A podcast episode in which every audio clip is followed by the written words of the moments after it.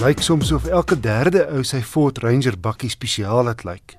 Maar Ford se Ranger Raptor dubbelkajuit is die ware Jakob met talle modelspesifieke veldry-aanpassings en 'n imposante voorkoms wat die aandag trek.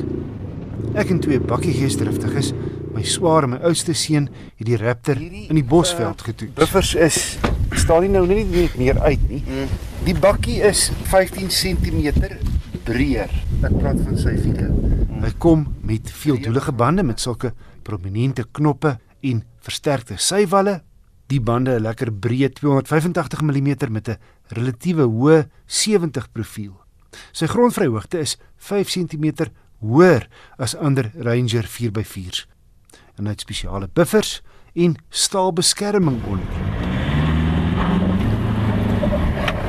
En dan 'n hele paar triks met die onderstel, soos in plaas van bladvere agter 'n sogenaamde Watts skakeling en Fox Racing skokbrekers wat vir 'n merkwaardige veldryrit sorg.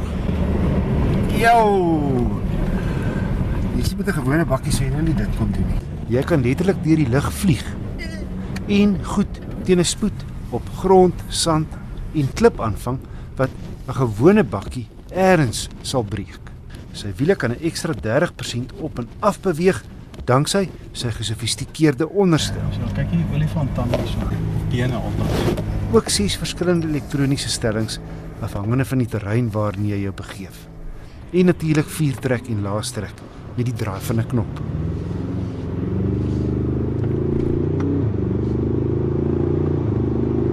Sy 2 liter diesel met 2 turbo aanjaars en 'n 10 spoed outomaties is dieselfde wat jy in die Wildtrak kry, 157 kW en 500 Nm.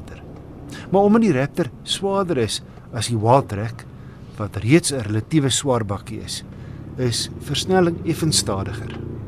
Kar het met die Wildtrak 0 na 110,1 sekondes afgelê en met die Raptor 10,9. Die Raptor sou met bietjie meer krag kon doen. Wat my aangenaam verras het, is hoe goed die Raptor ook op teery. Hy's lyks binne synde Ford se top Ranger bakkie met kenmerke soos navigasie met Tracks for Africa standaard en heerlike ondersteunende sitplekke waarvan die bestuurdersin elektries verstel. En ook verskeie ander kenmerke wat jou ook binne laat voel dat hierdie 'n spesiale bakkie is. Die Bosveld trip op tering grond het 'n gemiddelde verbruik van 10,3 liter per 100 km gelewer. Om op te som, die Ford Raptor is 'n formidabele ryding. Teen R875.500 is hy nie goedkoop nie. Dis Amarok V6 geld. Maar geen bakkie is so tuis in die veld en op die oop pad as die Raptor nie.